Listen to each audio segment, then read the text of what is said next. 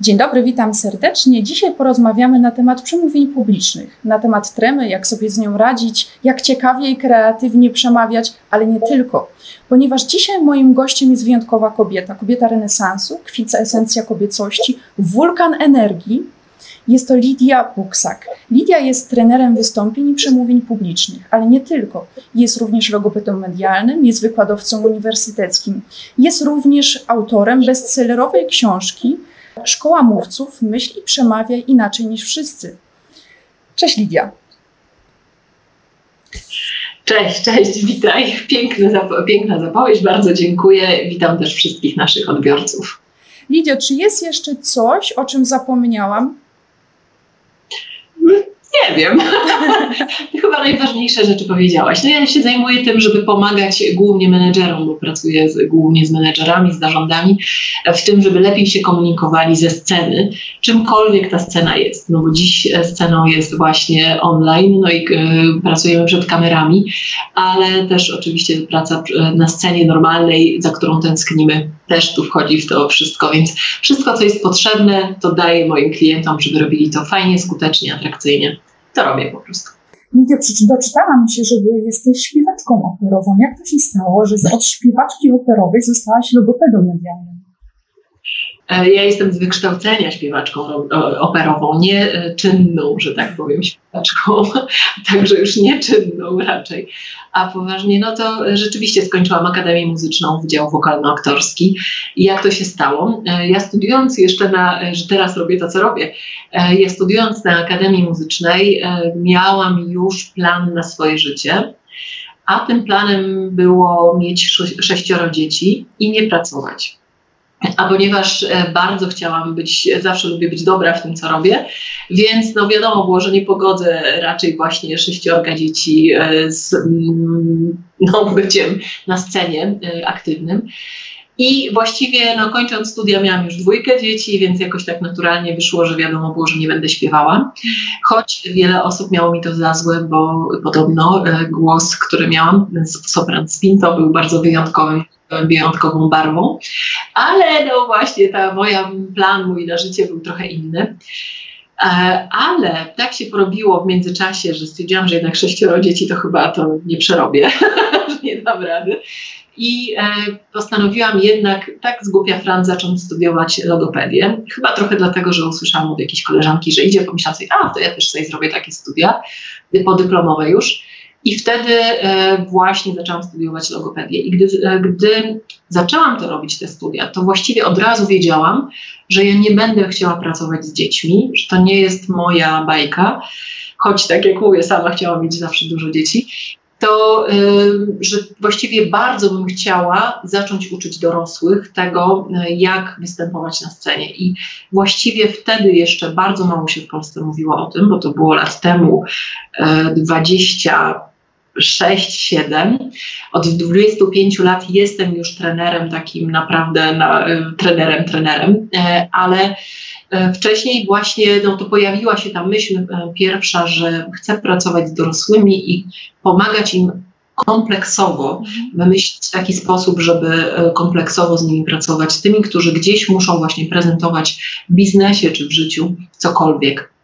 No i wtedy założyłam swoją szkołę pierwszą i taką, gdzie właśnie pracowaliśmy, to były takie wielomiesięczne kursy, gdzie spełniałam te marzenia i e, te plany swoje. No i tak to się zaczęło. Potem właśnie była telewizja najpierw jako logopeda medialnym przez 18 lat uczyłam dziennikarzy, a e, tych takich najbardziej znanych, więc w sumie to fajne, bo bardzo duże doświadczenie zdobyłam tam, właśnie jeśli chodzi o przekaz, który teraz też wykorzystuję.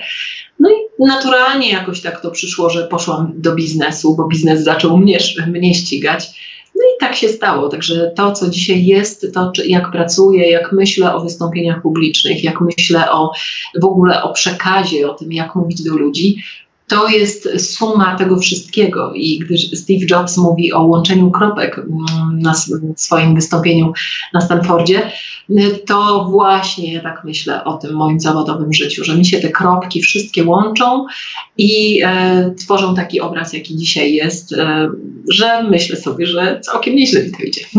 Tak, myślę, że całkiem nieźle. Patrząc na to, jak e, pracujesz, jestem, jestem pod wrażeniem, e, wiele razy Ci to już mówiłam. Jak słyszę logopeda medialny, zawsze sobie myślę, przypominam sobie film King's Speech, czy dokładnie tak wygląda Twoja praca, że idziesz do klienta i pomagasz mu w dykcji, w emisji głosu, czy jak to wygląda? Jak mówisz o tym filmie, to mi się przypomina, jak moja córka y, obejrzała ze mną ten film, no było to przecież kilka lat temu, kiedy ten film się pojawił i powiedziała, mamo, przecież to jest film o tobie. I miała oczywiście na, na myśli tego logopedę, który y, tam y, uczył króla mówić. E, moja praca no, wygląda trochę podobnie, a trochę nie oczywiście, ponieważ e, no, ja nie pracuję teraz jako logopeda ściśle, choć oczywiście uczę też emisji głosu i pracuję z dykcją, ale bardziej interesuje mnie dzisiaj ogólnie rzecz biorąc e, przekaz, a głos i sposób mówienia to jest jedna ścieżka w tym wszystkim, więc ja pracuję szerzej ale rzeczywiście większość mojej pracy robię indywidualnie, bo na tym poziomie biznesu, na którym ja pracuję, rzeczywiście jest tak, że większość menedżerów, e, tych prezesów i tak dalej chce pracować głównie na właśnie indywidualnym, takim indywidualnym toku, ale ostatnio też mocno pracuję w online i w związku z tym no to już w ogóle jest inna praca, prawda? To już jest robienie live'ów, webinarów, bardzo dużo e, tego robię i no to jest inny sposób uczenia, ale dalej uczę. Także w tym sensie ten film jest mi bliski, bo właśnie takie no, skojarzenia pewnie można mieć. O webinarach i live'ach będziemy dzisiaj na pewno jeszcze rozmawiać, bo jest to obecnie bardzo ważny temat bardzo interesujący dla na pewno wielu naszych widzów i słuchaczy. Mm, chciałabym najpierw porozmawiać o tremie. Wiesz, ja pamiętam swoje początki, pamiętam e, jak to się zaczęło, dlaczego zaczęłam się interesować przemawianiem i psychologią ponieważ jak miałam jakieś 16-17 lat, e, musiałam wygłosić referat na języku angielskim z moją koleżanką. Nasza nauczycielka po wygłoszonym referacie spojrzała na nas z takim złudzeniem i powiedziała: A wiecie co? Najfajniejsze z tego referatu były buty twojej koleżanki, moje koleżanki. Mhm. Powiem ci, ja w tym momencie sobie obiecałam, że nigdy w życiu nie stanę na żadnej scenie i nigdy w życiu już się nie odezwę, bo czułam się okropnie. I okazuje się, że te niby banalne, kuriozalne wydarzenie bardzo rzutowało na moje dalsze życie. E, w trakcie obrony pracy dyplomowej ja zapomniałam, jak się nazywam. Ja zapomniałam w ogóle, po co ja stworzyłam tą pracę dyplomową, jaki jest jej tytuł. I to był taki moment, że pomyślałam, kurczę, muszę na tym zacząć pracować, tak nie może być. Zawsze podziwiałam innych ludzi, którzy stali na scenie i sobie myślałam, fajnie, że to potrafią. Jeszcze do niedawna, gdy, ponieważ jestem trenerem, e, ale to jest co innego stać przed grupą 10 osób, a co innego stać przed trzema tysiącami. Dla mnie było wcześniej co innego. I zamykałam się w tym bezpiecznym środowisku bycia terapeutką, bycia coachem, bo to jest takie bezpieczne, to jest tylko w moim gabinecie. Jeszcze właśnie do niedawna mówiłam, ja nie chcę być mówcą w życiu, ja mówcą, speakerem, ja nie, nie, nie, dziękuję. Ale okazuje się, że chciałam tego, tylko świadomie mówiłam nie, nie, nie, bo się tego bałam. I właśnie, tak jak e, wspomniałam, to jedno wydarzenie rzutowało bardzo na moją przyszłość. Teraz już odważnie potrafię stanąć na scenie, ale gdzieś tam to doświadczenie z przyszłości wychodzi kiedy i jakieś te, te obawy. Skąd się bierze trema? Czym jest trema z Twojego doświadczenia? Jeszcze zapytam Cię, jak sobie poradziłaś z tą tremą? Pewnie to będzie odpowiedź na Twoje pytanie. Zaczęłam robić. Ja po prostu zaczęłam robić i mam swoje pierwsze nagrania. w ogóle dla mnie stanięcie przed kamerą było wyzwaniem życia. Nie było takim problemem stanąć przed no, ludźmi, ale ta kamera i te małe oczko kamery patrzące się na mnie całkowicie mnie dezorientowało. Mm, ja zaczęłam robić, ale też zaczęłam korzystać z porady trenerów, żeby dostawać informację zwrotną taką konstruktywną. E, ponieważ moja rodzina i przyjaciele, wiadomo, że rodzina i przyjaciele zazwyczaj powie super, ale mi nie chodziło o to, żeby usłyszeć super, tylko chciałam się rozwijać. No właśnie, to powiedziałaś o takim sposobie najbardziej znanym na robienie, na poradzenie sobie ze strem, z tremą, czyli zacząć działać pomimo to. E, to jest tak, no bez e, trema sama nie mija i jeśli ktoś myśli, że są jakieś, no, niektórzy twierdzą, że są, ja uważam, że nie ma, jakieś triki takie, że strykniesz, e, zrobisz coś szybko przed wystąpieniem i to ci zadziała, to, no to w mojej ocenie to jest złe myślenie, znaczy nie przynoszące dobrego efektu. Ja uważam, że żeby poradzić sobie trwale z tremą, trzeba się rozprawić z tym, co, z czym ty się prawdopodobnie rozprawiłaś, czyli ze swoimi przekonaniami. Przekonania to jest to, co myślimy o sobie, o świecie, o wystąpieniach publicznych, o publiczności, o tych ludziach, którzy właśnie będą nas słuchać. I one sprawiają, że w jakiś sposób działamy albo nie działamy. I Twoje doświadczenie, to o czym opowiedziałaś, to jest taki no, klasyczny przykład tego, że nabrałaś przekonania, że się do tego nie nadajesz i że nie chcesz tego robić, dlatego że usłyszałaś jakąś krytyczną ocenę, niemiłą, złą, czasem podłą nawet. I my się y, mamy taką tendencję w ogóle, żeby czepiać się bardziej tego, co jest słabe, i wyolbrzymiać to, mm, budować na tym i w związku z tym pozwalamy na to, na to, żeby nas to ograniczało, a nie budujemy na tym, co już mamy, co jest mocne, nawet jeśli to jest tylko jedna rzecz. I gdy ja myślę o, o, stresie, to wiem, że stres nie jest przyczyną naszych problemów na, w czasie wystąpień na scenie, tylko jest rezultatem. I on jest właśnie rezultatem tego myślenia o sobie i o innych, i o całym świecie i tak dalej, czyli naszych przekonań, które budujemy latami. Dobra wiadomość jest taka, że przekonania nie są nami, to nie my, tylko nasze myśli, a myśli możemy zmieniać. Więc jeśli chcemy zmienić ten rezultat, czyli to, co myślimy, to, co nam się pojawia jako stres, jako trema, te wszystkie też objawy mm, fizjologiczne, które mamy czasami, to jeśli chcemy zmienić ten rezultat, to musimy wrócić do źródła i zmienić myślenie. I rzeczywiście moment, w którym ludzie robią taki krok wstecz, czyli nie myślą sobie, że ach, to sobie pomyślę, że ludzie siedzą w gaciach, są takie metody podawane e, na to, żeby radzić sobie ze stresem, na przykład, że wyobrażamy sobie publiczność siedzącą na nocnikach albo w majtkach, albo na golasa i to ma nam pomóc się lepiej poczuć. Nie cierpię takich metod. Ja uważam, że o wiele lepiej i skuteczniej i długofalowo przede wszystkim możemy sobie poradzić ze stresem, kiedy zaczynamy właśnie rozprawiać się z przekonaniami, które nas ograniczają, które nam nie pomagają, które są czymś, co nosimy czasami przez wiele lat, więc to wymaga pracy. No i zdecydowanie, jeśli zaczynamy stawiać na mocne strony. I tutaj taką anegdotę jeszcze tylko opowiem, e, żeby właśnie zobrazować, jak to może pomóc jak gdy pierwszy raz wiele lat temu prowadziłam e, zajęcia z, e, dla studiów podyplomowych pewnych z profesorem Bralczykiem, e, to mm, polski znany językoznawca, nawet nie wiem, czy ktoś może go nie znać, ale pewnie tak się może zdarzyć. I pan profesor no, wtedy już był wielką sławą, a ja byłam początkującą trenerką i no, młodą, niedoświadczoną. Wiedziałam już bardzo dużo, jeśli chodzi o wiedzę, ale też uczyłam się ciągle, zresztą dalej się uczę. I e, wtedy e, na te zajęcia, one były tak ułożone, że w piątek był wykład pana profesora, a w sobotę mieliśmy z tą samą grupą ćwiczenia już razem. No i ja e, znałam profesora z książek, z telewizji, natomiast nigdy go wcześniej nie spotkałam osobiście i też nie byłam na żadnych jego spotkaniu takim na żywo z nim. Więc oczywiście poszłam na ten wykład w piątek i zobaczyłam, że on był genialny. No i to niestety na mnie zadziałało strasznie, bo ja stwierdziłam, że jestem beznadziejna. Bo on jest tak wspaniały, że ja po prostu nie jestem w stanie doskoczyć do tego poziomu. I tak się zaczęłam nakręcać, tak sobie wkręciłam ten film, że nawet już kombinowałam, żeby nie iść na te zajęcia, ale no, byłam przekonana, że on, ja wyjdę jak mrówka przy słoniu, że się po prostu ośmieszę, a tego zwykle najbardziej się boimy.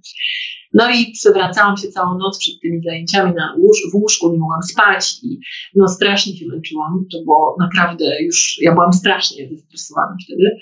No i mój mąż się obudził i mówi, czemu ty nie śpisz? Czemu ty nie śpisz? Przecież ty jutro masz te zajęcia takie ważne, dlaczego ty nie y, odpoczywasz, tylko się tutaj kręcisz? No i ja mu mówię, no, że to będzie taka tragedia i w ogóle, że przecież okaże się, że ja nic nie umiem, że jestem beznadziejna, że to wszystko właśnie wyjdzie na wierzch. A mój mąż tak na mnie spojrzał i powiedział, hm, pomyśl sobie, że lepiej chociaż od niego wyglądasz. To sprawiło, że właściwie no, kobieto, kobietom z całym szacunkiem dla pana profesora łatwo jest wyglądać lepiej od, od pana profesora, ale rzeczywiście pomyślałam sobie, taka głupotka, prawda? Można by było powiedzieć, przecież to ani nie merytoryczne, ani nie dotyczące kompetencji, tylko, że mogę zadbać o siebie, tak? żeby poczuć się dobrze, tak? żeby dobrze wyglądać. No i oczywiście poszłam na te zajęcia, okazało się, że super było, że dostałam tak samo dobre oceny jak pan profesor, czyli że to w ogóle nie działa tak. Ale potrzebowałam tej jednej rzeczy małej, której mogłam się uchwycić, mm, gdy no, byłam w takim, takim rozedrganiu. Więc gdy dziś mnie pytasz o to, jak radzić sobie z tremą, to po pierwsze właśnie przepracować to, co nas, zobaczyć w ogóle, co, co takiego jest, co takiego nas blokuje, dlaczego my się denerwujemy. Po drugie, zacząć stawiać na mocne strony, nawet wtedy, gdy wydaje ci się, że nie masz mocnych stron. Tak, w całej mojej pracy 25-letniej trenerskiej spotkałam dwie osoby, które twierdziły, że nie mają ani jednej dobrej cechy. I wtedy oczywiście ta praca musiała być bardziej coachingowa, z nimi głębsza trochę, ale y, większość ludzi, nawet jeśli nie uważa się za boskich od razu, to jednak y, widzi cokolwiek, nawet małe rzeczy. I jeśli zaczniesz budować na tych małych rzeczach, a nie czepiać się i celebrować i przeżywać te y, słabe rzeczy, których musisz się nauczyć, bo po prostu trzeba wtedy pracować, to dzieje się magia prawdziwa. I wtedy faktycznie wchodzisz w proces uczenia się, ale gdy w tym procesie masz ten, ten już fundament czegoś mocnego, co już masz dzisiaj, no to zaczyna się właśnie zmiana. I to się zaczyna to, co, o czym często pewnie mówią coachowie i trenerzy w ogóle, że zaczynaj z tym, co masz. Nie czekaj, zaczynaj z tym, co masz. Bo jeśli będziesz czekać na to, że już będziesz super gotowy i przygotowany, no to nigdy nie zaczniesz, a też nie, nie rozwiniesz się, bo zawsze będziesz miał wymówki.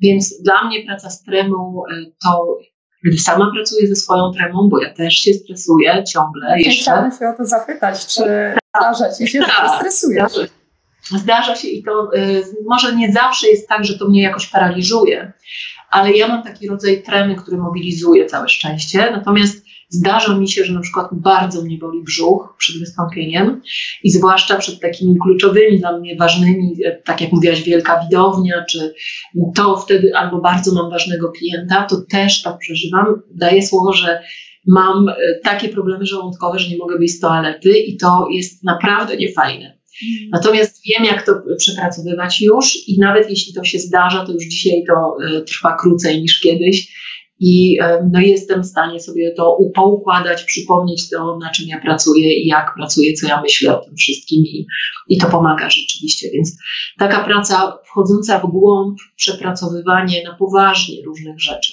A wtedy przydają się te techniki, na przykład oddechowe przed samym wystąpieniem, czy pozycja mocy, którą pokazuje nam Enikadi, e, czy inne rzeczy wtedy to już jest łatwo, tak? To już są drobne rzeczy, które można, którymi można sobie pomóc w danym momencie, ale fundament musi być dobrze przypracowany.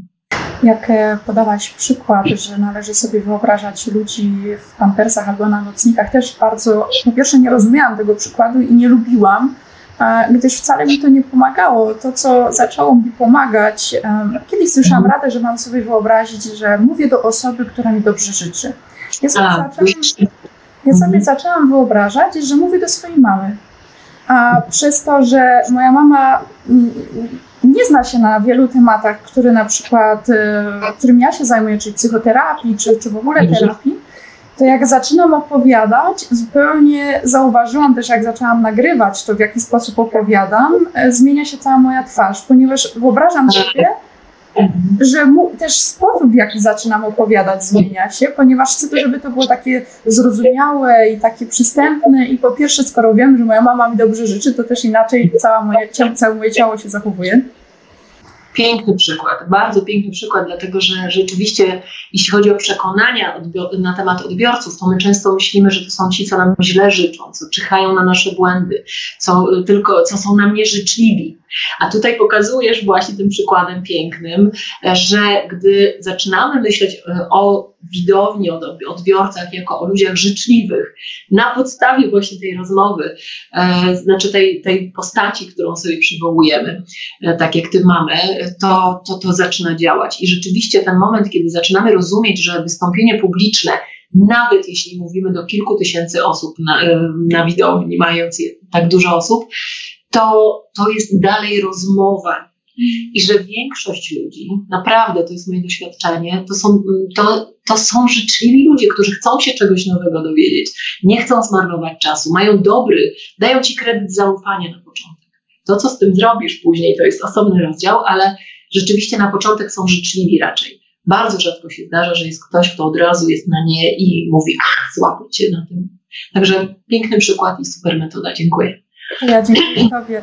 I jeszcze chciałam się odnieść e, do tego, jak trema jest odczuwalna. Na przykład Ty mówisz o bólu brzucha. U mnie, ja mam na przykład bóle rwy kulszowej i u mnie tam jest um, lokal, zlokalizowany strach, szczególnie przed mhm. wystąpieniami publicznymi czy jakimiś ważnymi spotkaniami. Um, ostatnio trafiłam na jeden z Twoich wywiadów dotyczący psychosomatyki, ponieważ właśnie to, o czym teraz mówimy, to jest czysta psychosomatyka, czyli jak nasz organizm reaguje na stres. E, odsyłam Was wszystkich, tych, co nas będą oglądać, tych, co nas będą słuchać, do wywiadu Lidii, który znajdziecie na jej profilu na YouTubie. Bardzo ciekawy, zachęcam. E, I warto się, warto się w to słuchać, ponieważ e, jak będziecie tego tak jak ja jestem już tego świadoma, czy jak Lidia mówi, że ja wiem dlaczego tak jest, jest łatwiej wtedy z tym pracować. Już też będziecie szybciej wychodzić z tego stanu żeby móc sobie z czymś poradzić, najpierw trzeba to nazwać, prawda? Więc jak ty już wiesz, jak ci się objawia stres, ja wiem, jak to na mnie działa. Też miałam długi czas tak, że jak byłam zestresowana, to mówiłam niżej i szybciej niż zwykle i zaczęłam, zaczynałam tak już bardzo nisko mówić. I musiałam też to zacząć łapać i zauważać, że to robię. Więc ten moment, y, w którym zobaczysz siebie, przyjrzysz się sobie, jedni się pocą na przykład, innym wysycha w buzi, e, niektórzy się trzęsą, mm, trzęsą im się dłonie albo cali się trzęsą. No, są bardzo różne objawy, właśnie psychosomatyczne i najpierw musisz zobaczyć w ogóle, co to jest, nie? w ogóle nazwać. Ja często jak pytam klienta, ok, a po czym ty poznajesz, że jesteś zestresowany? No bo ty mówisz, mam stres, tak, jestem zestresowany, ale o czym to wiesz? Mhm. E, no to on się pierwszy raz wtedy zastanawia, co takiego mu się wydarzy, że on to wie. Nie? I e, co też warto jest właśnie sobie zdiagnozować, zobaczyć i wtedy dopiero można też to przepracowywać. Jesteś autorką bestsellerowej książki dotyczącej przemawiania. E, tam też znajdziemy i znajdziecie bardzo wiele interesujących przykładów, technik. Co jest takiego szczególnego w Twojej książce? Co możesz e, nam polecić?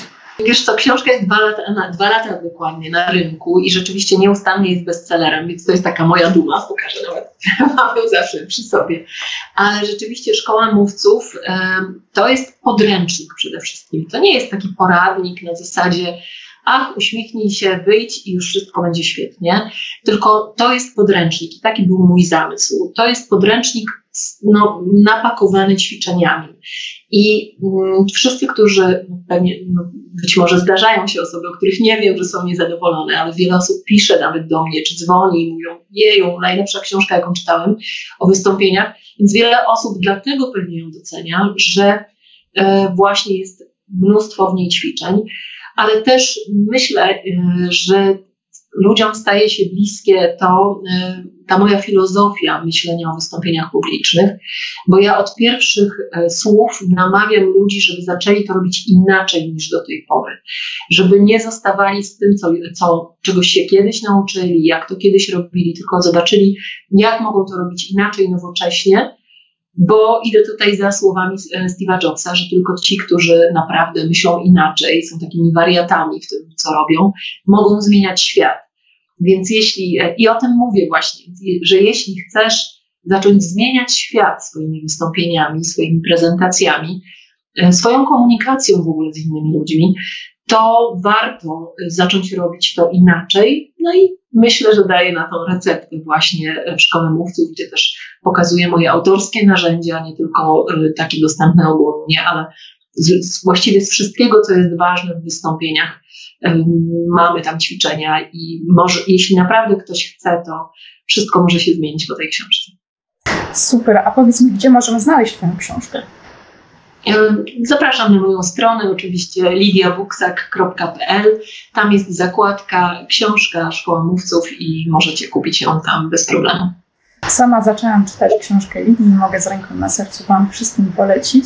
Warto, warto naprawdę zainwestować, warto ją przeczytać, ale nie tylko przeczytać, tak jak czytamy jakiś magazyn, tylko naprawdę etapami i zacząć wprowadzać te ćwiczenia, zacząć je przerabiać E, bo niezależnie ile książek przeczytacie, ile szkoleń, e, w ilu szkoleniach weźmiecie udział, tak naprawdę ma to sens, gdy zaczniecie to wprowadzać w życie i właśnie ćwiczyć, ćwiczyć, ćwiczyć.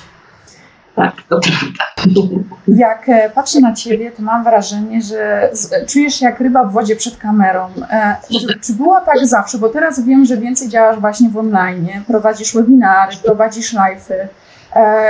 Jak zacząć? Jak w, jak w ogóle, jakie były Twoje początki właśnie w internecie? Trudne, ponieważ ja w ogóle nie mam natury e, takiej e, social mediowej. W ogóle to nie jest moje, to nie jest coś, czym ja się czułam zawsze że pokazywałam światu, co jem na śniadanie, albo nie wiem, że upiekłam ciasto, czy że moje dzieci pokazywałam. W ogóle Facebook był dla mnie czymś niezrozumiałym. Znaczy, miałam konto na Facebooku, e, oczywiście profil, ale właściwie tam nic nie publikowałam. Później, gdy książka się ukazała, to zaczęłam pracować mocno na LinkedInie, ale też to z oporem mi przyszło dopiero pół roku po tym, jak książka się ukazała. Ja właściwie zaczęłam pisać posty na LinkedInie, ale jeszcze nie pracowałam z kamerą wtedy, choć uczyłam pracy z kamerą. Tak, zawsze byłam po tej drugiej stronie, że byłam w stanie nauczyć moich klientów, pokazać im, jak to robić naprawdę fajnie i dobrze się w tym czuć. Więc e, jakoś tak się stało, że ponad rok temu y, postanowiłam zrobić kursy online.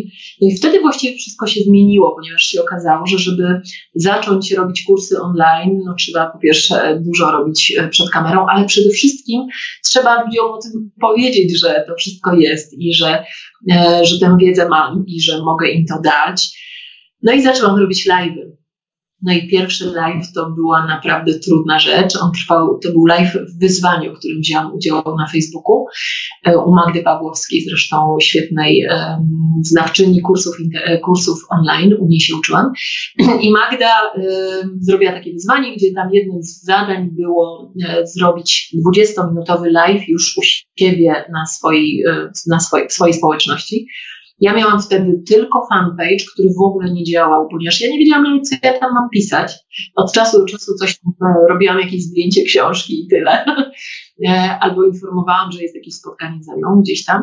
Natomiast grupy nie miałam swojej e, grupy na Facebooku i moment, kiedy zaczęłam robić live, to był początek mojej grupy na Facebooku, która się niesamowicie szybko zbudowała.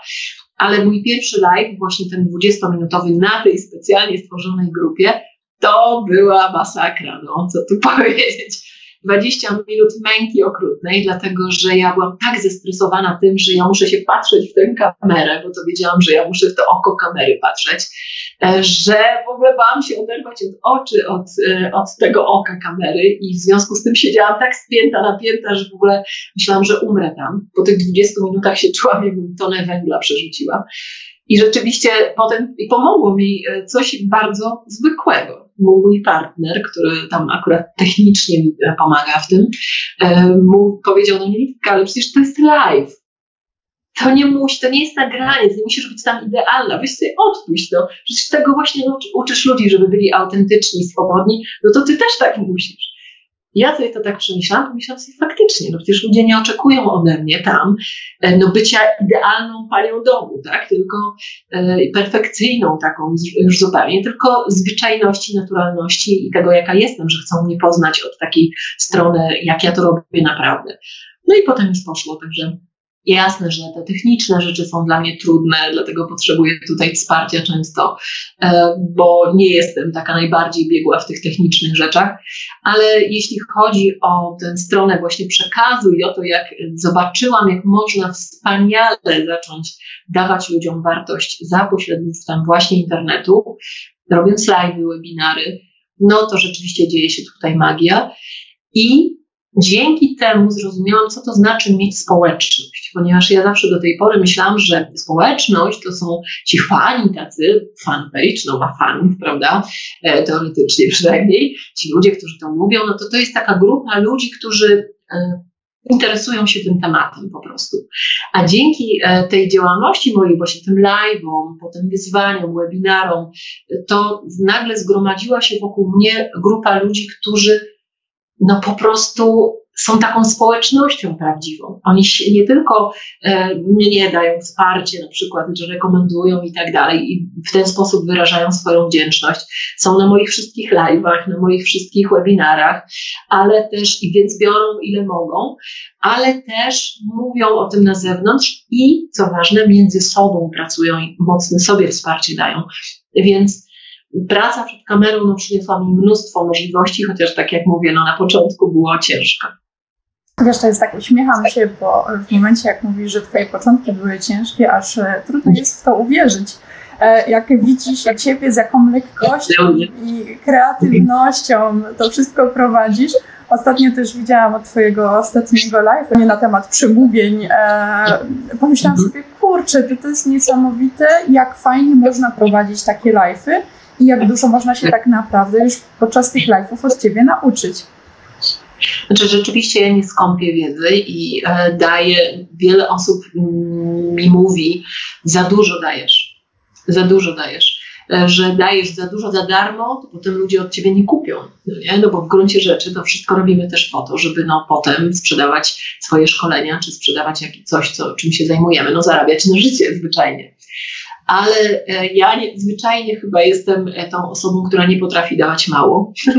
Jak już daję, to z serca i rzeczywiście wszystko, co mam, czyli mm, nie skąpię e, wiedzy i bardzo zawsze te moje live'y są dość długie, bo trwają tak godzinę zwykle, ale czasami dłużej, ale rzeczywiście są bardzo napakowane merytorycznie. To nie jest takie tam pitu-pitu.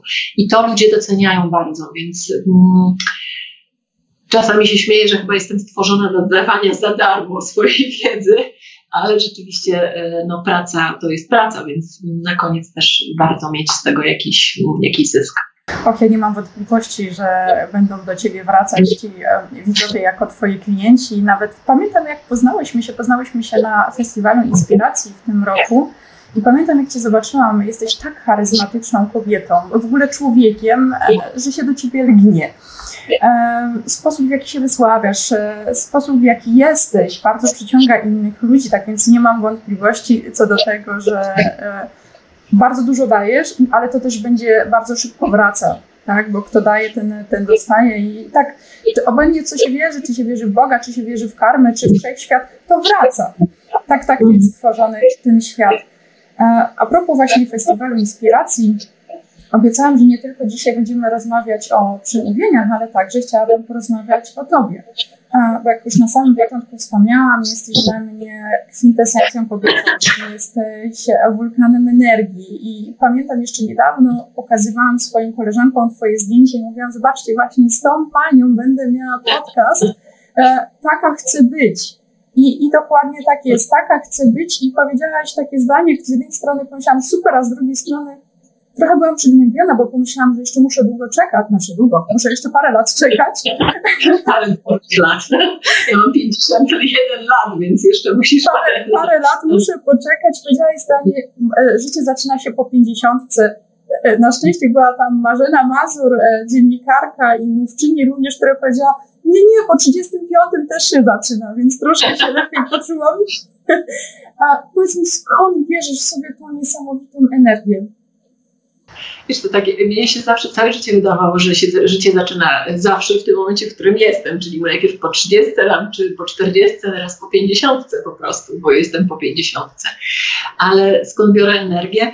Wiesz co, ja ludzie czasami, e, bo ja mam no, taką osobowość, no rzeczywiście taką dość wyrazistą, tego się nie da ukryć, no i taka jestem ekspresyjna na zewnątrz, to, to na pewno to, ale więc jakby natura na pewno, ale też mm, świadomość tego, kim jestem, e, co robię, jaka jest moja wartość, ale też e, tego, co przeżyłam, ponieważ no, nie, chcę, nie będę to opowiadać o szczegółach, ale naprawdę nie miałam łatwego życia i dostałam w kość e, dość porządnie e, w pewnym momencie. I e, w związku z tym wiedziałam już, czego nie chcę. I dzisiaj wiem doskonale od no, kilkunastu lat, czego naprawdę nie chcę, a czego chcę. I na co chcę się godzić, a na co się nie, nie zgadzam. I e, gdy mówisz o tym, że no, jakoś tam przyciągam ludzi, albo to, że ty mówisz, chciałabym taka być, no to, to, to się zdarza, że coś takiego słyszę.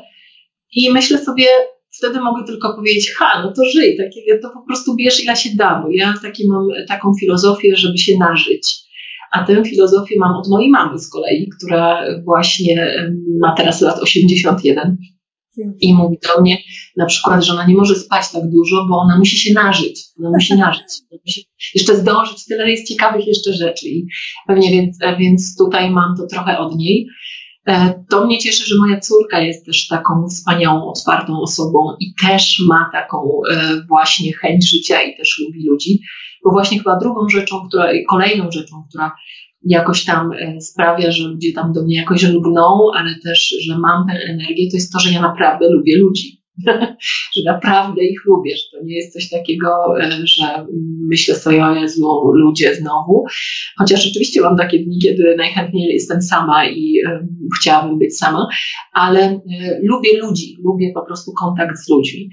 Natomiast teraz to, co daje mi energię, to na pewno też miłość, prawda? No bo miłość zawsze nam daje dużo energii, więc wtedy, kiedy kochamy i czujemy, że jesteśmy kochani, no to też jest coś wspaniałego i no i to jest chyba taka główna wartość też.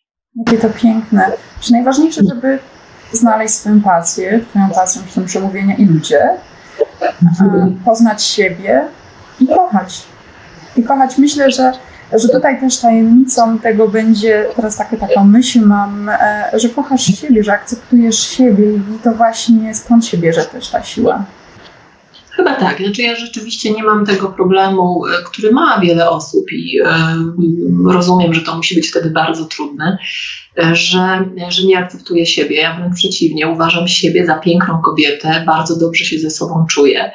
I to wiem, że wzbudza bardzo często, jak mówię o tym tak otwarcie, to bardzo często wzbudza taką niechęć. Ludzie mówią, jak ona może sama o sobie tak mówić? Przecież to jest po prostu niegrzeczne, jak ona jest zarozumiała. Ale zauważ tutaj i też e, ci nasi odbiorcy, którzy nas słuchają, mam nadzieję, że wy to też zauważycie, że ja nie mówię, że wy macie mnie uważać za piękną. Ja mówię, że ja tak się czuję i nikomu nic nie narzucam.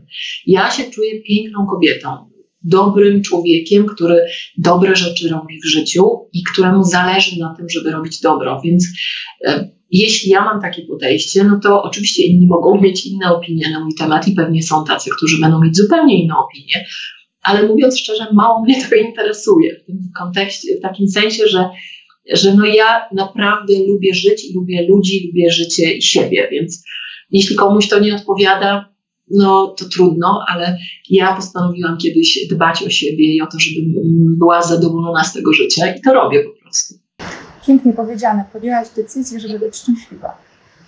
Tak, tak to można w skrócie powiedzieć. Ja nie umiem w skrócie gadać, ja zawsze muszę dużo powiedzieć. Ale cudownie się Ciebie słucha i, i, i fajnie też wiesz, moją rolą też jest czasem powiedzieć krótko, a daj moim rozmówcom wypowiedzieć się. A, ale to jest, to jest piękne, co mówisz i, i to jest właśnie kwintesencja tego, e, jak czuć się dobrze. E, co Cię inspiruje? Czy są na przykład też ludzie, ale też co? Kto i co? No ludzie to wiadomo, no bo oni przynoszą nam najwięcej wartości codziennie z różnych stron, prawda? E, co mnie inspiruje? Ja uwielbiam czytać książki oczywiście, to jest moja e, taka no, pasja ogromna. Przyznaję, że teraz trochę mniej czytam, gdy jestem tak mocno w zaangażowana też w pracę, jeszcze bardziej niż kiedyś ale książki tak, to jest coś, to jest taki mój sport ekstremalny i to rzeczywiście z książek e, bardzo dużo inspiracji e, dostaję. Gdzieś tam mi się układają moje myśli i to jest naprawdę coś niesamowitego, jak czytam książkę. E, pamiętam, jak czytałam pierwszy raz taką książkę pod tytułem Wystąpienia publiczne. Napisał ją Bert Decker, taki amerykański mówca i nauczyciel mówców. I jak czytałam tę książkę i byłam w szoku, bo to było wiele lat temu, bo przeczytałam książkę, którą miałam wrażenie, że sama napisałam. Nie? I miałam wrażenie, o matko, ktoś tak myśli jak ja, więc to było dla mnie cudowne odkrycie, ale cudownie jest mi tak samo też czytać książki, które te zawodowe, jeśli czytam, to, to te, które przynoszą mi coś nowego i zmuszają mnie do myślenia. E, lubię, jak coś mnie zmusza do myślenia, więc to mnie wtedy stąd biorę inspirację. Ale tak e, bardzo, rzeczywiście dużo inspiracji e, to dają mi ludzie, ale w kontekście też moich klientów, jeśli chodzi o moją pracę bo każdy klient jest kimś nowym i to nie jest, no to jest oczywiście truizm, ale nie, nie, taki, nie chcę, żeby to było banalne, bo rzeczywiście każdy przychodzi z innym problemem, z czymś, co niby się powtarza, bo na przykład wiele osób ma tremę, ale do każdego muszę znaleźć inne dojście, inny sposób na niego, żeby mu pomóc rzeczywiście. I e, to jest niesamowicie twórcze, to jest niesamowicie inspirujące, bo te wszystkie rzeczy mi się zbierają też w głowie i układają, i z tego powstają, powstaje w ogóle moje myślenie albo moje metody. Więc e, to, myśl, to właśnie takie patrzenie na te osoby, z którymi pracuję i branie od nich, chociaż wydaje się, że oni tak mało umieją i chcą wziąć ode mnie, e, no to ja się uczę od nich bardzo dużo i inspiruję się mocno moimi klientami. A czy są jacyś mówcy, którzy Cię inspirują? No, e, Steve Jobs to jest moja miłość, że tak powiem, choć oczywiście wiem, że łatwym człowiekiem to on nie był tak, w życiu. I czasami no, rzeczywiście robił rzeczy niefajne i nawet paskudne. Ale to, co robił na scenie, to przyznaję, że jeszcze do tej pory trudno jest znaleźć w Polsce mówców biznesowych, którzy robią tak e, fajną, e, fajne rzeczy na scenie. Więc to, jest, to była taka moja wielka inspiracja, e, właśnie Steve Jobs i jego mm, wystąpienia. No takim wystąpieniem sztandarowym, już dzisiaj wspomniałam o tym wystąpieniu, coś co mnie niesamowicie poruszyło, to właśnie jego wystąpienie na Uniwersytecie w Stanfordzie, gdy dostał doktorat honoris, honoris causa no i to jest poruszające, tam i śmiejesz się, i płaczesz, e, i masz właśnie łzy w oczach, i jesteś niesamowicie poruszony słuchając tego. Bardzo polecam, jeśli ktoś nie zna takiego, tego wystąpienia. A dzisiaj, kto mnie porusza, e, no wiesz co, ja mam takie podejście, że patrzę na każdego z otwartością, na każdego mówcę. Ja mam trochę problem z mówcami dzisiaj, naszymi współczesnymi, że ja widzę właściwie wszystkie błędy, które oni robią. I e, uczę się w tej chwili sama od wielu lat tego, żeby jednak słuchać tego i brać, a nie e, zupełnie skupiać się na tym, co oni tam popełniają. To jest też już taka, no, jakby ten błąd neofity, jak jesteś na początku swojej drogi e, trenerskiej, no to widzisz tak strasznie dużo i to ci przeszkadza. Nie możesz słuchać no teraz już jestem całe szczęście trochę w innym miejscu i faktycznie już potrafię słuchać tego, co ludzie mają do przekazania.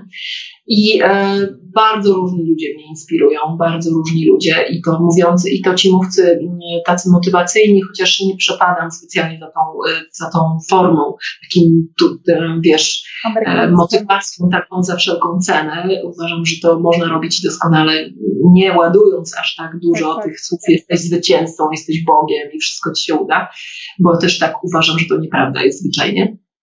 Ale jeśli nazwiska, o nazwiska mnie pytasz, no to nie wiem, znamy obie Piotra Ciszewskiego, którego e, bardzo lubię słuchać, bo, bo widzę tam takie mocne zaangażowanie. To są chyba mówcy, którzy naprawdę mnie inspirują bo oni sprawiają, że we mnie jest coś poruszone, że właśnie zmuszają mnie do myślenia, do, do jakiegoś zderzenia tego, co ja myślę, co ja czuję, jakie mam myślenie o świecie na przykład, z tym, z jego, z, tą, z, tą, z tej osoby słowami, tymi opiniami, które przekazuje.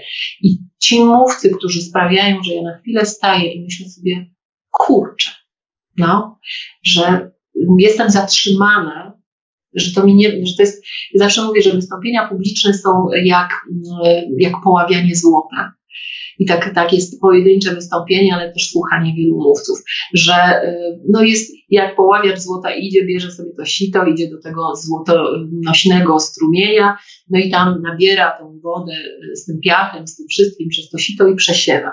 No i tam leci woda, przelatuje to najwięcej, najszybciej, potem piasek drobny, potem te grubsze grudki przelatują, a na koniec zostają grudki złota. I ci mówcy, którzy potrafią zrobić tak, że ja widzę tę grudkę złota, no to to są ci, którzy mnie poruszają.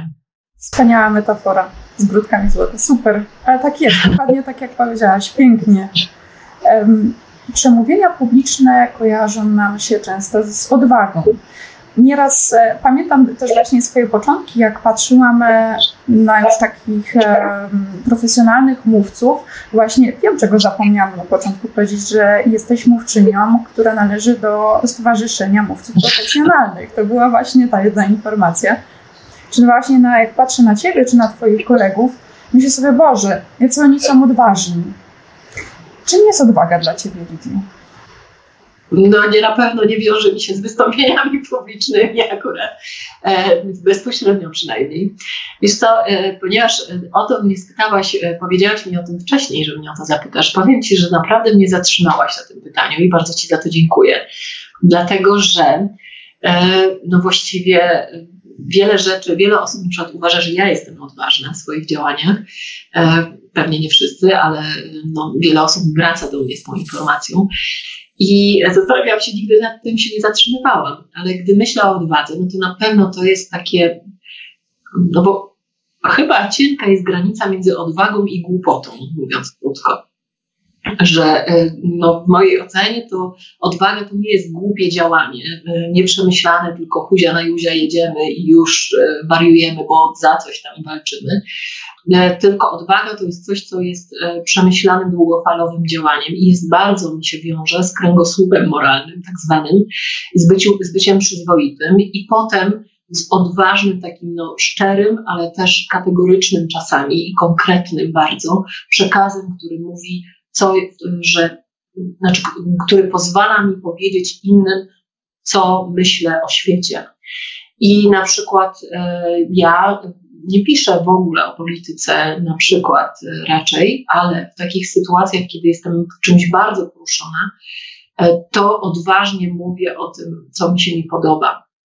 Czy to jest odwaga? Może to głupota jednak, nie wiadomo, niektórzy twierdzą, że głupota.